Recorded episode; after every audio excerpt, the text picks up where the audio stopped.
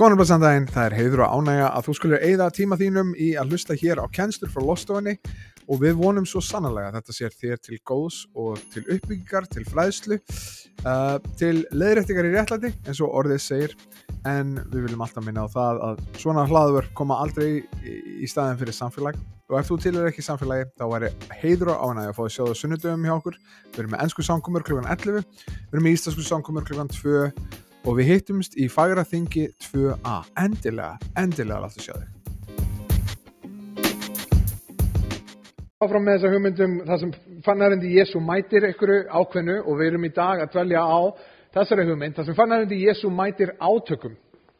Um, og mér langar að byrja á ef þið erum með biblíunum ykkar, þá getur flettið þér í Mattiðsöku spjall 5. kapla, við ætlum að byrja á nýjunda vessi En hérna í fyrir samkominni þá var það mjög áhugavert, við vorum að predika náttúrulega saman bara á ennsku, um, en þá var maður þar sem hefði búin að vera í hernum í mörg ár, 25 ára eða eitthvað svo leiðis, og honum fannst svo skrítið og hann fann fyrir því sjálfur hvernig var að alast upp í hernum, uh, það sem að þeir, þeir kendu þeir í rauninni ef einhver ógnað þér, ef einhver kemur með átök gagvart þér, að þá annarkvort lætur bara rúla yfir þig og getur dáið, eða þú mætir átökum með meiri átökum versus það sem Jésús segir okkur að gera sem er að, að koma inn sem friðflytindur og hann talaði um hvernig hann hefur fundi fun, fundi fyrir því hvernig þessu tvær mismundi hugmyndafræði um hvernig á að bregðast við átökum er að ofinbera sig í hvernig hann segir til dæmis krökkunni sínum að díla við einelti. Hermaðurinn í jónum segir bara lemdu krakkan í döðlur.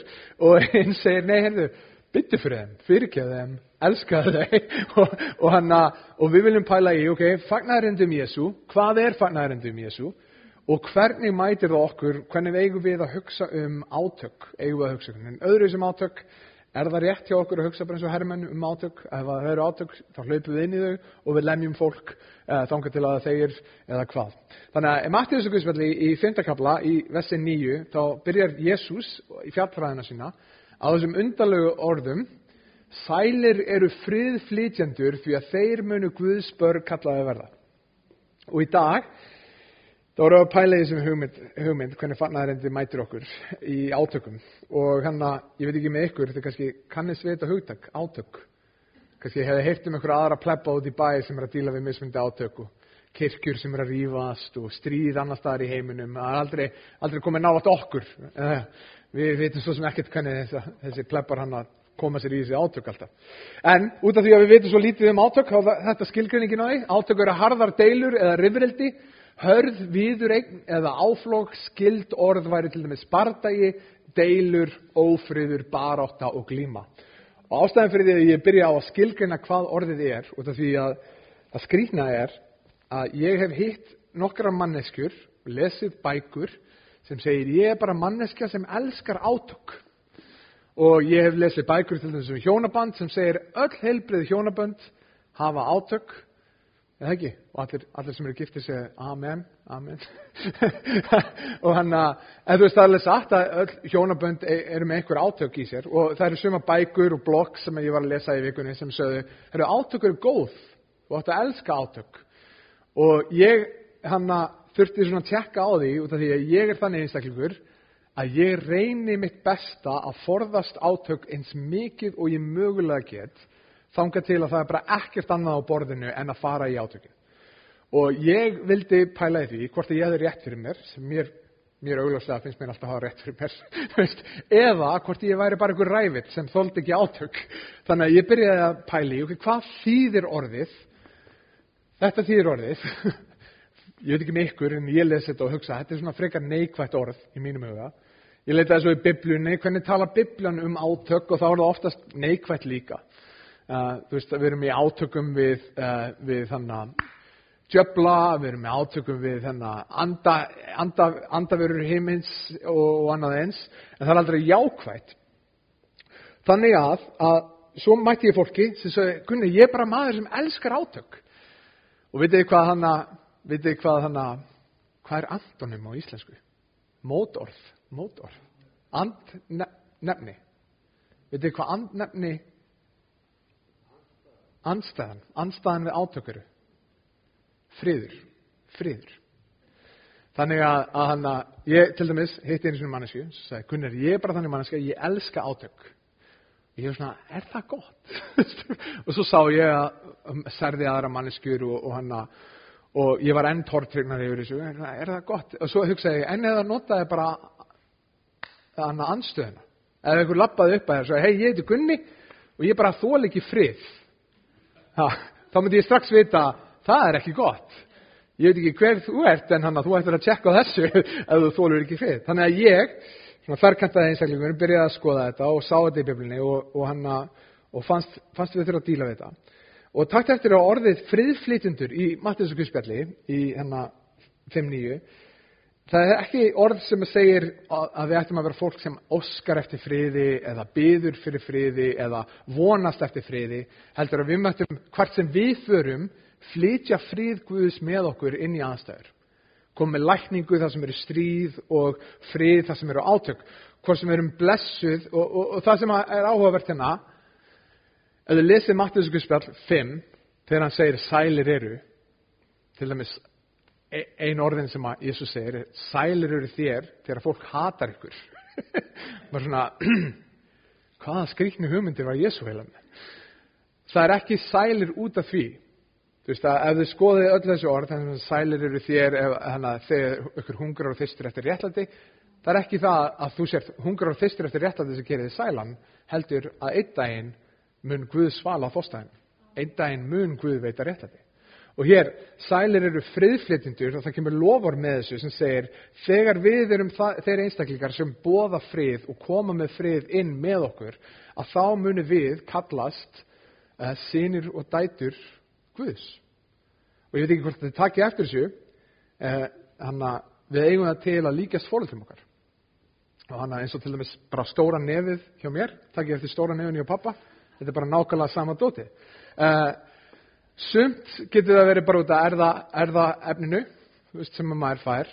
En mér finnst það áhugavert líka á þetta að kona mín er ætleitt og hún, hún er ekki með erðaefni frá mömmu sinni. En það hafa margir sem vita hver hún er vita hún er ætleitt, þekkja fjölskylduninnar sagt við hann að vásfaða þú er bara rosalega lík mömmu henni og henni fannst það svo áhugavert og pælir í afhverju þá er það bara út af því að áhrifin á að alast í kringum móðurinnar hefur gert það verkum að stundum segir hún eitthvað, gerir eitthvað, bregst við eitthvað á þann hátt sem minnir á mömmunar. Og það sem að Jésús er að segja hér er sælir eru við, sælir við sem friðflytindur, sem bóða frið og koma með frið inn í óró út af því að þá erum við að bera vittni um að við erum sinir og dætur Jésú. Því að hver er meiri friðflytandi heldur en Jésús sjálfur. Og hann að Efesus bref í öðrum kabla getur ykkur giska hvað ég er að fara í? Efesus 2 ég heit að Kristinn hefur giska þetta er ekki vers 8-10 eins og sumir hefur haldið en vers 12-14 segir þetta. Sú var tíðin er þér voruð án Krist lokaðir úti frá þegnarétti Ísraelsmanna þeir stóðið fyrir utan sáttmannana og fyrirheit Guðs vonlausir og Guðvanna í heiminum Þannig að við stoppum hana og spyrjum okkur, er einhver geðingur hérna inni? Engin geðingur hérna inni? Haldur hvað það skriti? Við erum hér á okkur eigu í Allasafinu að tilbyða Guð Ísraelsmanna. Guð Abrahams, Ísaks og Jakobs. Og þannig er hann að segja í fyrsta veðsunu, hei, einu sinni var það þannig að þið voru bara fyrir utan fjösköldi Guðs. Fjöskölda Guðs var Ísraelsmenn og þið voruð heiðingjar, þið þekktuð ekki Ísraelsmenn, þið þekktuð ekki Guð, en svo heldur hann áfram, Nú þar á móti eru þið sem eitt sinn voru fjallægir, orðin nálægir í Kristi fyrir blóð hans. Því að hann er okkar friður. Hann gjörði báða að einum og reif niður vekkin sem skildi þá að fjandskapan millir þeirra með líkama sínum. Það sem að Pál er að skrifa þannig til Efesusmanna er að segja, hei einu sinni fyrir 2000 árum þá var fjandskapur á millir fólks Og það var oftast þannig að þú, þú varst kannski Ísraelsmaður, þú varst geðingur og þú sagðir, já ég er hluti af fjölskyldu Guðs, ég er afkomandi Abrahams og Ísaks og Jakobs, ég er alvöru geðingur og þú ert bara einhver heiðingi, eitthvað rusl, hvað ert þú að gera hér? Það var einu svona megavesen í frumkirkjunni. Hvernig ætlaði þessu heiðinu þjóður að koma til Krist þegar þau voru ekki geðingar?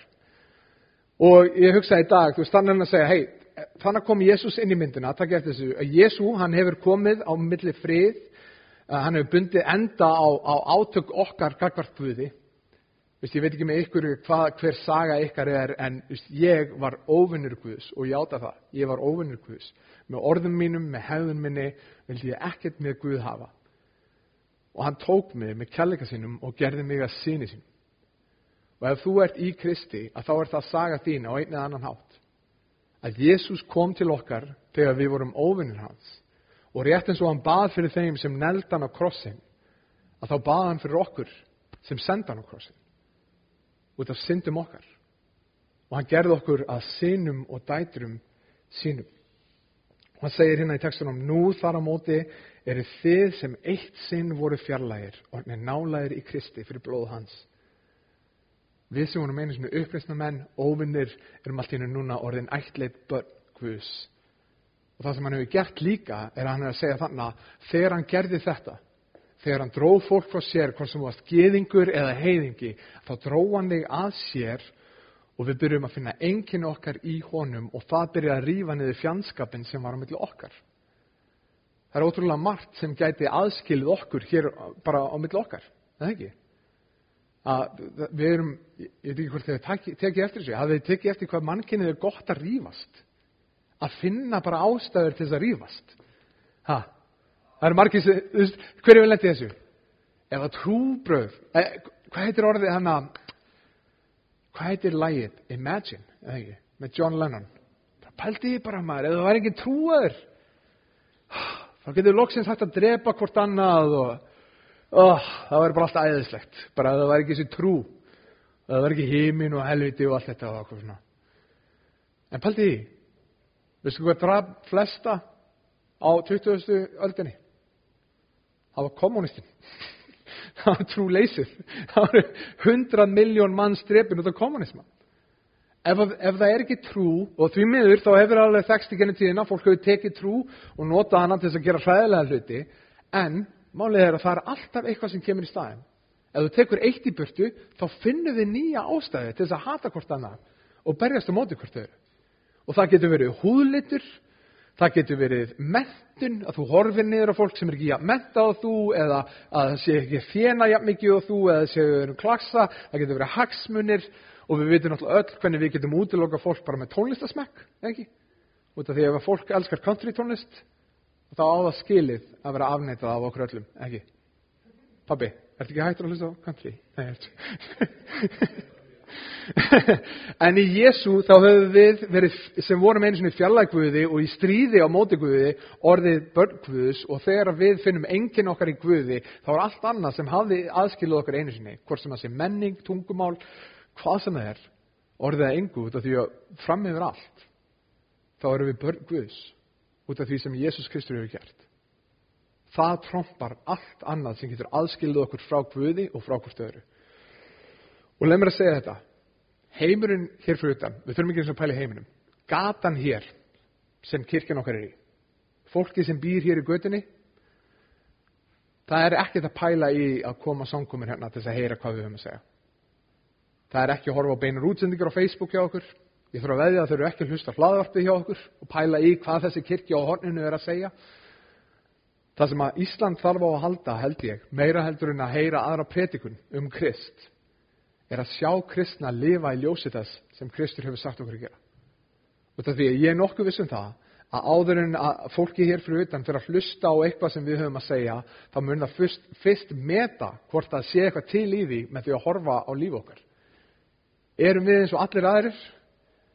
Bregðust við, við aðstæðum eins og allir aðrir eða er eitthvað öðruvísi við okkur? Er eitthvað öðruvísi við bóðskapin sem við bóðum? Og ég held að, að það er margir hann úti sem munu aldrei, til þess að vissu við þetta, veitu hvað er marga bibljur í umferð á Íslandi? Tólf, tólf bibljur, það eru allar hér inni. Nei, tvær miljonir á Íslandi. Það er, er nálega því. Ein miljón. Það eru þrjár bibljur á haus á íslensku. Það er crazy. Þrjár bibljur. Já, varst þú að hugsa um biblju þýðingar? Já, já, já, já, já, það eru, já. En það, já, en það er prentaðar bibljur. Það eru miljón eintöka bibljunni í umferð á Íslandi. Og flest allar eru bara á, á hillum einhverstaðar að samna ríki. En málið er að flestir af Íslandíkunum muni ekki opna þessar biblur til þess að lesa bóðskapin sem að Kristur hefur að segja fyrir en kannski það sér einhverja kristna einstaklinga sem eru mjög skriknir og lifa skringilegum lífum. En því miður eru við svolítið mikið í því einmitt að, reyna að vera ekki skrítin. að vera bregðast við eins og allir aðrir. En áður um við stígum inn í hvernig Biblan skorur okkur á að breyta um líf okkar og vera skrítin með því að bregðast öðruvísi við með átökum, þá langar við að spyrja þessa spurninga af hverju eru sumir sem tala um átök sem jákvæðan hlut. Um, og það er til dæmis ríkjandi í leiðtóa og hjónabónsbókum, uh, jável kristnum leiðtóa og hjónabónsbókum og eina af ástafan með þessi að fólk endur skilgrinni orðið átök. Til dæmis ef þú ert að lesa bækur um að vera leiðtói yfir ykkur teimi og annað eins þá er sagt, þú verður að læra að hafa átök innan teimsins. Það sem þau meina í rauninni er, þið verður að læra að tala um hlutina þannig að besta hugmyndin fara að vinna og þið sem teimi vinni saman. Ok, það er alveg rétt. Veist? Og þegar við tölum um, ok, við viljum vera kirkja sem er ekki að búa til átök eða með átök innra með okkur, þá erum við ekki að segja, hei, við viljum ekki vera ósamálaðið við neinu. Veist? Nei, nei, við, það er hægt að vera ósamálaðið að hafa átök. Nei, ekki. Veist? Það er hægt að vera ósamálaðið yfir mjög miklu, meðal annars kontritónist og annars. Um, en aðri tala um átök eins og að sé að finna góða, vegna þess að stundum er átök nöðsynleg. Ef einhver ógnar einhverjum sem þú elskar, þá stundum þarf þú að mæta inn í átökin. Stundum, hæ? Já, sjálfsvörn og, og, og, og líka bara þegar að, ég veit ekki, stundum er bara manneskja sem rúlar yfir fólk þá getur einhver segið stopp.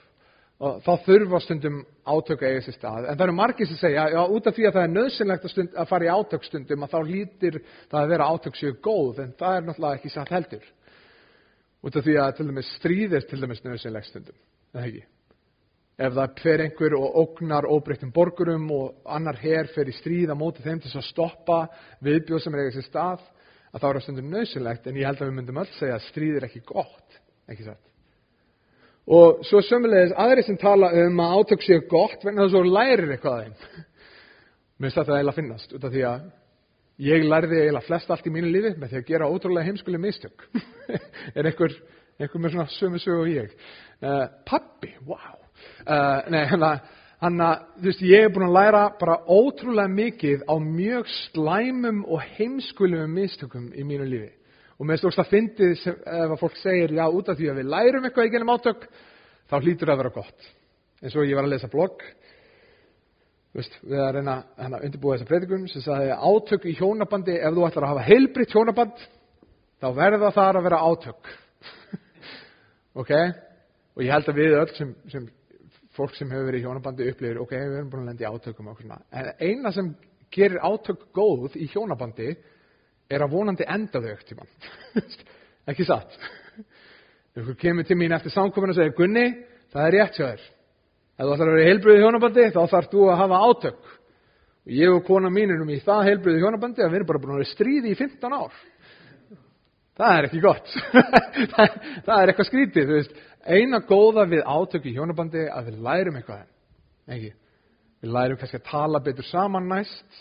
Við lærum að að vinna í gegnum og skilja hvort annað betur og annað eins og vonandi skiljum við átökin eftir og löpum áfram í lífið. Ekki satt? Og með þetta í huga að þá langum við að gera þrætt í dag. Hvað veldur átökum, hvaða mótefni gefur Biblian okkur til að forðast átök og hvernig segir Biblian okkar að takast á við átök þegar þau komu upp. Þannig að í föllum heimi þá getum við reytt okkur alveg á það að það eru ótrúlega uh, Já, það eru ótrúlega mörg dæmi um átök því miður. Um, stundum er það bara út af personleika mun. Uh, mitt sérfræði, ég er sérfræðingur í þessi að, að skapa miskilning, að segja eitthvað á eitthvað ránganhátt eða ekki segja eitthvað sem ég var að hugsa, sem gefur bara ránga ímynd og fólk verið brjálað út í stundum. Uh, til dæmis ósæðar væntingar var bara mestu átök í, í hjónabandi okkar frá upphafi, var ósæðar væntingar.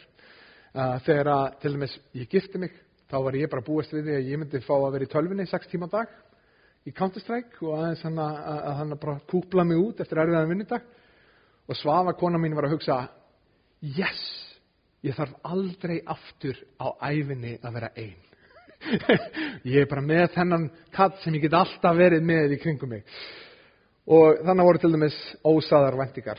Og eh, við erum að passa okkur á þessu í samskiptamilum. Til dæmis hef, hef ég lent í því að hann, einhver sendir mig skilaboð og það er ekki spurningamerki. Þá hugsa ég bara, ok, ég þarf ekki að svara. Legg síma frá mér, svo hitti ég manneskun eftir tvær, þrjár vikur og hún er búin að vera brjáluð út um mig í tvær, þrjár vikur. Út af því að væntingarnar voru, ég sendi þið skilaboð, þú lastu, ég sá að þú lastu, þú átt að segja eitthvað tilbaka. Þannig eru bara ótrúlega mismundi eftirvæntingar, personleikar sem er eigið sér stað, þetta á sér stað í hjónaböndum, þegar einn makinn lappar heim og hinn makinn er pyrraður út í, í, í konuna sína eða kallið sinn út af því að ég var að vonast eftir þú voru búin að þrýfa í eldúsinu eða eitthvað svo leys, á þess að hafa sagt neitt til dæmis. Um, en, en þetta gerist líka, það eru alls konar, alls konar hluti sem að skapa átök, til dæmis, ég veit ekki, eða þú ert hjá sístu manni og einhver brýst fram í, í röðinni, einhver fer ekki eftir reglunum, Uh, það eru tvær manneskjur sem er í samkefni við hvort aðra að leita sér til valdi við hvort annari. Um, stundum er það bara lífið, erfitt líf. Ha, svo kemur þú allt í einu spyrir þannig, Siggi hvernig gengur dagurinn þinn þá er Siggi bara eiga hún mjög slæman dag og bara hvernig gengur dagurinn minn það eru ótrúlega mikið af hlutum sem geta búið til átök á meðal okkar en þegar ég byrjaði að taka allar ástæðanar sem að skapa átök og þá fannst mér að þetta er unni vera niðurstaðan. Flest átök má rekja til skorts á auðmygt eða fyrirlitningu í garð annara og búast við henni versta frá öðrum án þess að aðtúa hlutræknir þína eða ósangjarnar fórsendur. Og ef við byrjum að pæli því, ok, hvað er það sem að Biblan veitur okkur sem móteitur á fyrir kirkjuna okkar til þess að berjast gegn átökum inn í kirkjuna og fyrir utan kirkjuna að þá held ég að þetta sé mótefnið við átökum. Það er auðmygt og kærleikur sem er knúin áfram af fagnarhendinu. Um, og, og ég held að þetta, hljóma mjög, þetta hljómar mjög basic. Það er margt í biblíunni sem hljómar mjög basic. Eins og til dæmis ekki ljúa. Það hljómar einfalt, ekki satt. En svo þegar að yfirmaðurinn býr þér í mat, maturinn var ekki það góður og, og hann eða hún spyr hvernig var maturinn? Þá er ég alltaf inn ekkert rosalega einfalt að ljú ekki. Alltaf það Mjög erfitt. En við skulum renna fljótt í genið nokkuð vers sem hvetur okkur til að hugsa öðruvísin heiminin til að lámarka og drepa átök og stríð á meðal okkar og frá okkur. Uh, Jóhannes 13.34 segir hér, nýtt bóðor gef ég ykkur að þið elski hver annan eins og ég hef elskað ykkur, skuli þið einnig elska hver annan. Og aftur þá vil ég leggja áherslu á að, að móteitrið okkar gegn átökum á meðal okkar er ekkit einfallega að við breytum hegðun okkar eða við finnum okkur auðmygt, heldur af hverju finnum við okkur auðmygt. Hérna segir hann ekki bara, hei, ég er ekki okkur nýtt bóðor, farið og elski hver annan, punktur. Hann hefði ekki enda þar. En að segja, ég hef elskað eins og ég hef elskað ykkur, skuli þið einnig elska hver annan. Það sem við þurfum að gera þegar við minnum okkur á að Jésús hefur gert okkur að bönnum sínum og dáið fyrir okkur, að leifa því að hafa áhrif á hvernig horfi ég á manneskuna við hliðina mér okkur núna. Þú veist, ef að Jésús dó fyrir þessa mannesku, horfi í kringum okkur. Manneskuna sem þeir í kringum okkur núna eru manneskur sem Jésús dó fyrir til þess að gera að börnum sínum. Og þegar þú byrjar að pæla í því hversu ótrúlegu kærleikur Guðs er, gagvart mér og gagvart manneskunni í kringum mig, að byrja að hugsa, ok, get ég veitt þeim náð að búast ekki við því vesta af þeim okkur núna? Eða get ég veitt þeim náð ef þau eru eiga hræðlan dag með því að, að, að veita þeim það að, að, að mæta þeim með auðmygt þegar þau mæta mér með stolti? Það er að segja, þetta er auðmygt, þetta er kærleikur sem er knúin áfram af fagnarhendinu. Og þetta er, þetta er hérna, þetta er rauninni þetta, kærleikurinn er ekki að missa álit á sjálfum þér, það er að hugsa minna um sjálf þig. Og Rómarbröðu 12.10 segir, síni hver öðrum bróðu kærleika og ástúð og veri hver yðar, hver yðar fyrri til að veita öðrum virðingu. Mér finnst þetta ótrúlega skemmtileg keppni hér, keppni sem að sérst ekki á mörgum stöðum í heiminum í dag þar sem allir eru að reyna að fá verðingu og sanka aðsérverðingu þá segir Pál Postuli hér til Rómverðina nei, nei, nei, við skulum hafa keppni á meðal söfnuða Guðs, kirkjunar að frekar en að sanka að okkur verðingu að gefa verðingu Við skulum vera að reyna að, að keppast um að veita hvort öðru virðingu uh, aftur og aftur. Og ástæðan fyrir átökum okkar er, ef, ef ástæðan fyrir átökum okkar er ofblásið viðhorf á okkur sjálfum og of mikið stolt í okkur sjálfum, að þá segir auðmygt og, og kellegur sem er knúna fagnarindi, hugsaði minna um þig og hugsaði meira um það fólk sem að Jésús elskaði eins og hann elskaði þig. Í heimi sem er að leitast eftir, uh, leitast eftir sjálfum sér og, uh, og byggja upp sitt ríki þá segir stundið frið við alla menn og helgun. Og þið, hæ? Já, byggið upp hvernig annan. Þú veist, minnst það áhugavert að eins og í fyrsta korundibröði, í, í 12. kabla, í 13. kabla og 14. kabla, þegar við erum að tala um gjafir andans og kærleikan. Hvernig segja? Guð hefur gefið þér kærleika fyrir, ekki til þess að byggja sjálf þau upp, ekki svo að þú sér svo awesome og allir getur fara að klappa fyrir sigga eða guðrúnu eða, eða hvað sem er, heldur til þess að þú getur notað þær gjafir sem Guði veit hér til þess að byggja upp náðungan við liðnar. Og þú veist, þetta, þetta er svona hu, hugar ástand sem er svo ótrúlega því miður sjálfgeft í dag. Það sem fólk er meira að koma inn í til dæmis kirkjur, ekki bara spurandi hvað getur þessi kirkja gefið mér eða gert fyrir mig heldur, hvað getur ég gert fyrir fólki í kringum mig? Hvernig getur ég þjónað þessu, þessu pakki, Nei, þessu, þessu fólki? Hvernig getur ég elskað þetta fólk? Hvernig getur ég veikt þeim virðingu í staðan fyrir að sitja út í horni og móðgast ef því að enginn skulle vera búin að tala við mig? Hvernig getur ég elskað aðra?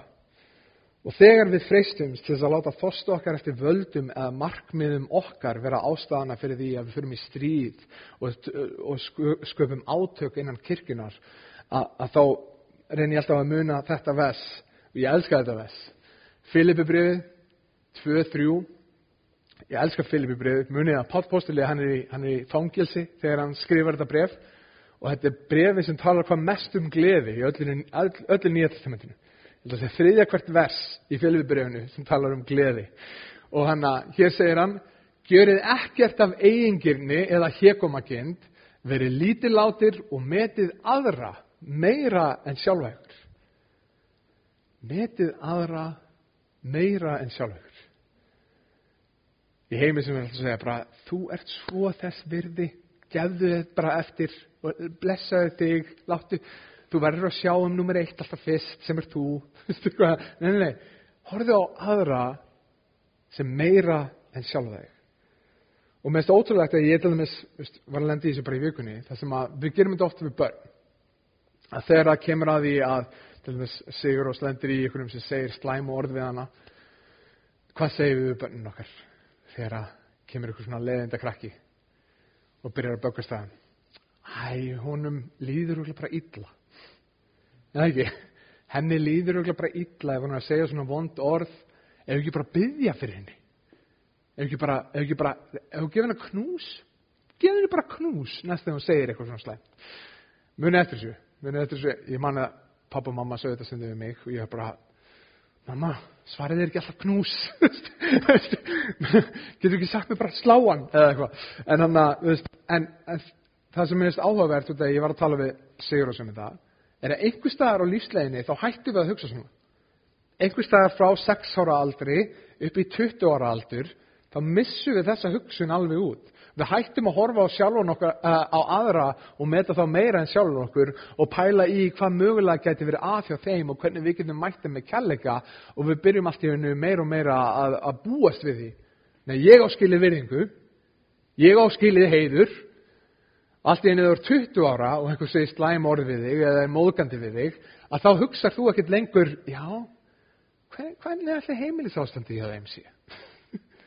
Nei, þá er það bara, hvaða fáið er þú? hvaða, hvað, ákveður þetta tala svona um mig? Einhver staðar á, á leiðinni þá missum við algjörlega þetta að hugsa um hvað gæti mögulega verið að á hinni manneskinni og hvernig getum við mættið með kærleika þegar það hefur áhrif á okkur og við erum ánum fullurinn og við erum ekki lengur sex ára og, og hann að þegar það kemur að þessu átökum þá er það því miður að þetta er svona synd sem að, sem að er ótrúlega vel liðin í kirkjunni. Það eru ótrúlega mikið um átök innan kirkjunar í dag út af mismundur hlutum, Veist, ég hef heyrt sögur um kirkju sem rýfast yfir, yfir teppi á gólfum og annað eins og, og, hana, og því miður þá er það bara þannig að sumir kristnir hafa einmitt hort á þetta sem ekki slæman hlut að stunda átök og, og ég er svona að pæla í því ok, hvað er lífið sem að Jésús er búin að kalla okkur til þess að lifa? Hvernig eigum við að líti út og ég byrja að hugsa um Galatabrifið í, í, hérna, í fyntakabla þegar að tala um ávöxti andans. Hérna er hann að segja, hei, ef þú ert kristin einstaklingur og ert með heilagan anda sem býr í þér þá byrjar hann að breyta þér og byrjar að breyta hegðuninni og, og hann segir, þetta er ávöxturinn af því lífi að gefast kristi. Og heilagan andi byrjar að starfi í okkur og út kemur kærleikur og gleði og fríður og langlindi og gæska og góðvild og trúmennska hóverð og bindindi og þú pælir þessu og byrjar að miða þennan ávöxt við átök. Og það áttar þið á því að þetta, er, þetta passar ekki saman. Þetta er vatn og ólja en því miður, einhvern veginn í kirkjunni hefur við komist þennan stað að við hefum sætt okkur við átök á meðal okkar og átök þegar við förum hérna út. Og það sem var bara að stinga mig svolítið í hjarta þessari viku er að fólkið hér fyrir utan Ég þrá ekkert meira en að sá sem þekkir ekki vonina og gleðina í Jésu fá að þekkja þá gleði sem ég fengi upplá og þá von sem ég fengi upplá. En því miður eru bara mjög fáir hér fyrir utan sem munur hlusta á eitthvað sem við höfum að segja fyrir við sínum þeim öðruvísi líf. Hvort það segir þess virði að hlusta á það sem við höfum að segja. Og í allt í einu byrjaði ég að pæli, ok, þú veist, ef átökur er synd, hversu oft hefur kirkjan daðraði við syndina sem sendi Jésu til að deyja fyrir okkur krossinum? Nú á lokum þá langum við að segja að Biblan segir okkur líka að stundum koma upp sér staða að því miður að það séu aðalara meðal okkar sem að sem að muni ekki hætta í átökum og skapa vesen. Og, hana, og þá, þá spyrir maður ok, hvernig eigum við að díla við þessa hluti? Hva, hvað er það sem Biblan segir um hvernig við eigum að díla? Þú veist, eigum við bara að leifa fólki að vaða yfir okkur að trafka á okkur eða hvað? Og í matlisku spil í átjöndakabla Og þá er Jésu að segja við lærisunum sinna, hei, ef ykkur, ef ykkur bróðir syndgar gegn þér, þá skaltu fara og tala við, um fyrir honum fyrst og sé það ykkar einna ámiðli og láti hann sér segjast hefur þú unnið bróðin, en láti hann sér ekki segjast, skaltu taka með þér einn eða tvo eða að hvert orð sé staðfest með frum, framburði, tveggja eða þryggja vikna. Ef hann skeitir þeim ekki, þá segða söfnuðunum og skeiti hann ekki söfnuðunum, heldur þá sé hann þér sem heiðingi eða tóllindumær. Og mér lókur að enda þessum þessum, út af því að þetta er mjög rótæk hugmynd. Vest 15, pæli ykkur til rótæk hugmynd. Það segir, ef ykkur syngar gegn þér, farðu og talaði við hann. þetta er svolítið crazy. Þannig að ef ykkur, ef ykkur brítur á okkur, ef ykkur móðgar okkur, ef ykkur segir eitthvað sem okkur líkar ekki, þá er þessi rótækku hugmynd sem Jésús segir, farið og talið við manneskuna. Ekki fara og segja þeim frá. Veistu hvað yngvi var að segja við mig? Maður? Eða kristna útgáðan af, af, af hennar, af, já, já, að þessu, sem er, herðu við erum að byggja fyrir hann yngva. Hann, hennar, hann sagði hennar mjög, mókandi hlut við mig og ég vil bara leggja þetta í Guðs hendur og við skulum bara byggja fyrir honum og hvernig honum nei, nei, hann segir farið og talið við hann. Og ef hann hlustar ekki á þig einn, taktu tvo aðra með þér og talaði við hann aftur. Þannig að það allt staðfesta með vittnum og annað eins. Og ef ykkur innan kirkjunar er ekki tilbúin að hlusta á ykkur tvo, þrjá, koma að tala við hann þá skulle við koma fram fyrir söfniðin það sem erum við meðlum að kerja til þessi söfniðinum okkar og það er þá, ef einhver yðrast ekki þá er það að segja, hei, ok, þú getur ekki verið hluti af kirkjunni lengur. Hvað þýðir það? Nú, í umræðinu undanfanna daga þá búið að tala mjög mikið um trúarópaldi og meðal annars voru mikið talað um móttana og hvernig þeir útskúfa fólki úr söfniðinu sínum. Er það það sem að Jésús er að segja hér? Ef hann skeiti þeim ekki, þá segir þau söfniðinum og skeitir hann ekki söfniðinum heldur, þá sé hann þér sem heiðingi eða tollendumæður, eigum við bara að útskúfa fólki og segja, hei, þú ert ekki velkomin hér. Nei, alls ekki. Allir velkomnir, alltaf. Þarf ekki að deila trú okkar til þess að mæta samkomur. Þarf ekki að deila lífenni okkar eða, neinu um mæta samkomur. En þess vegna erum við meðlemmakæri. Það sem við segjum í rauninni, hei, þú hefur samt ekki, þú getur ekki komið að meðlema fundi og hafi haft orðum það að segja hvert við stefnum sem kirkja. Þetta er því að eitt af einkennum kristna lífsins er að vera fullkomin, það ekki? Við verðum öll að vera fullkomin til þess að vera meðlumir í lofstofunni. Nei, ekki. Nei, eitt af einkennum lýs okkar er yðrun. Þegar við klúðurum, ekki ef, þegar við klúðurum, þá snúum við okkur aftur til Guðs og við yðrumst. Og hérna er hann að segja, hei, ef þú ert búin að fara að tala við mannesku sem er búin að synga gegn þér og er búin að taka aðra til að tala við manneskuna sem syngar á móti þér og að þú ert búin að koma fram við þau til kirkjunar með, með þessa synd og manneskjan neytar að yðrast, þá, á- þá á kirkjan að segja að þú getur ekki lengur verið hluta þessari kirkju að við erum ekki viss hvar sál þín er að þú neytar að yðrast sem er eitt af því sem einnkynni kristna lífið og þá eigum við að hætta að kalla á bróður segja bara heiðingi Hæ. Þá er Siggi allt í einu orðin en ekki bróður Siggi lengur heiðingi Siggi. Eða tolllemdi maður Nei, okay. en hann að hvað á hann við? Tolllemdi maður, heiðingi. Því það að við hérna tölum ekki við manneskuna lengur. Það sem er áhugavert hér sjáðu hann uppi Mattius, þetta er Guðspjall skrifaða Mattius, veitir hvað Mattius var áður en að hann var hann var tolllemdi maður ha. hann var einn af þessum plebbu sem vann fyrir skattin ha. og hérna hérna hann að segja að það er bara biblilegt að þóla ekki skattin nei, er þetta en hana, þannig hann að segja þannig að tolllemdi maður back in the day var þess maður sem var búin að svíka gýðinga var farin að vinna fyrir rómverja var að sapna skatt fyrir rómverja af gýðingunum og oftast voru þeir spiltir einstaklingar sem þjónuðu mjög mikið pening með því að hækka skattin aðeins kannski var skatturinn 15% en nú er hann 20% því að Mattius Mattius þarf að borða og er salt í grötin eða ekki? Og hann að þannig að fann hann að segja nei, nei, þegar koma fram við manneskuna sem neytar að yðrast eins og heiðingi á tollendumæður hvernig kom Jésu fram við Mattius sem var tollendumæður? Hann nálgæðist hann.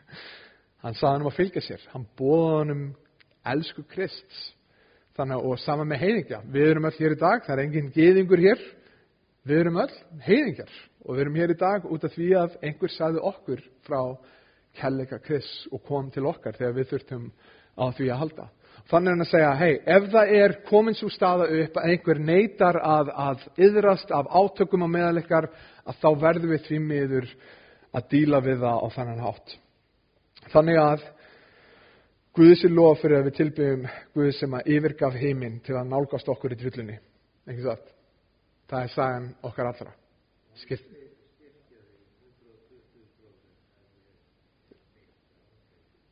Já, og hann mun styrka okkur, svo sannlega.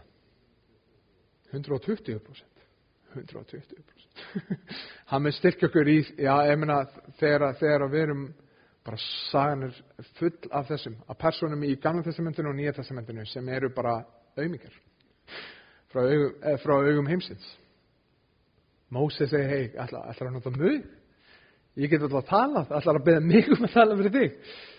Og Guð segir já, ég ætla að nota þig. Og það er ótrúlega fallegt hvernig hann notar venjulegar manneskur eins og þig og mig til þess að gera sitt verk. Og það sem við höfum tækifæri til hér í dag er að minna okkur á að við þjónum Guði sem mætti okkur þegar við vorum í átökum gagvart honum. Þegar við lifðum í opinni sinn, þegar við lifðum sem okkar eigin Guðir, við sögðum hvað er rétt og hvað er ánt, vildum ekkert með Guð hafa, þá kom hann til okkar. Hann steig niður að heimni og mætti okkur í drullunni.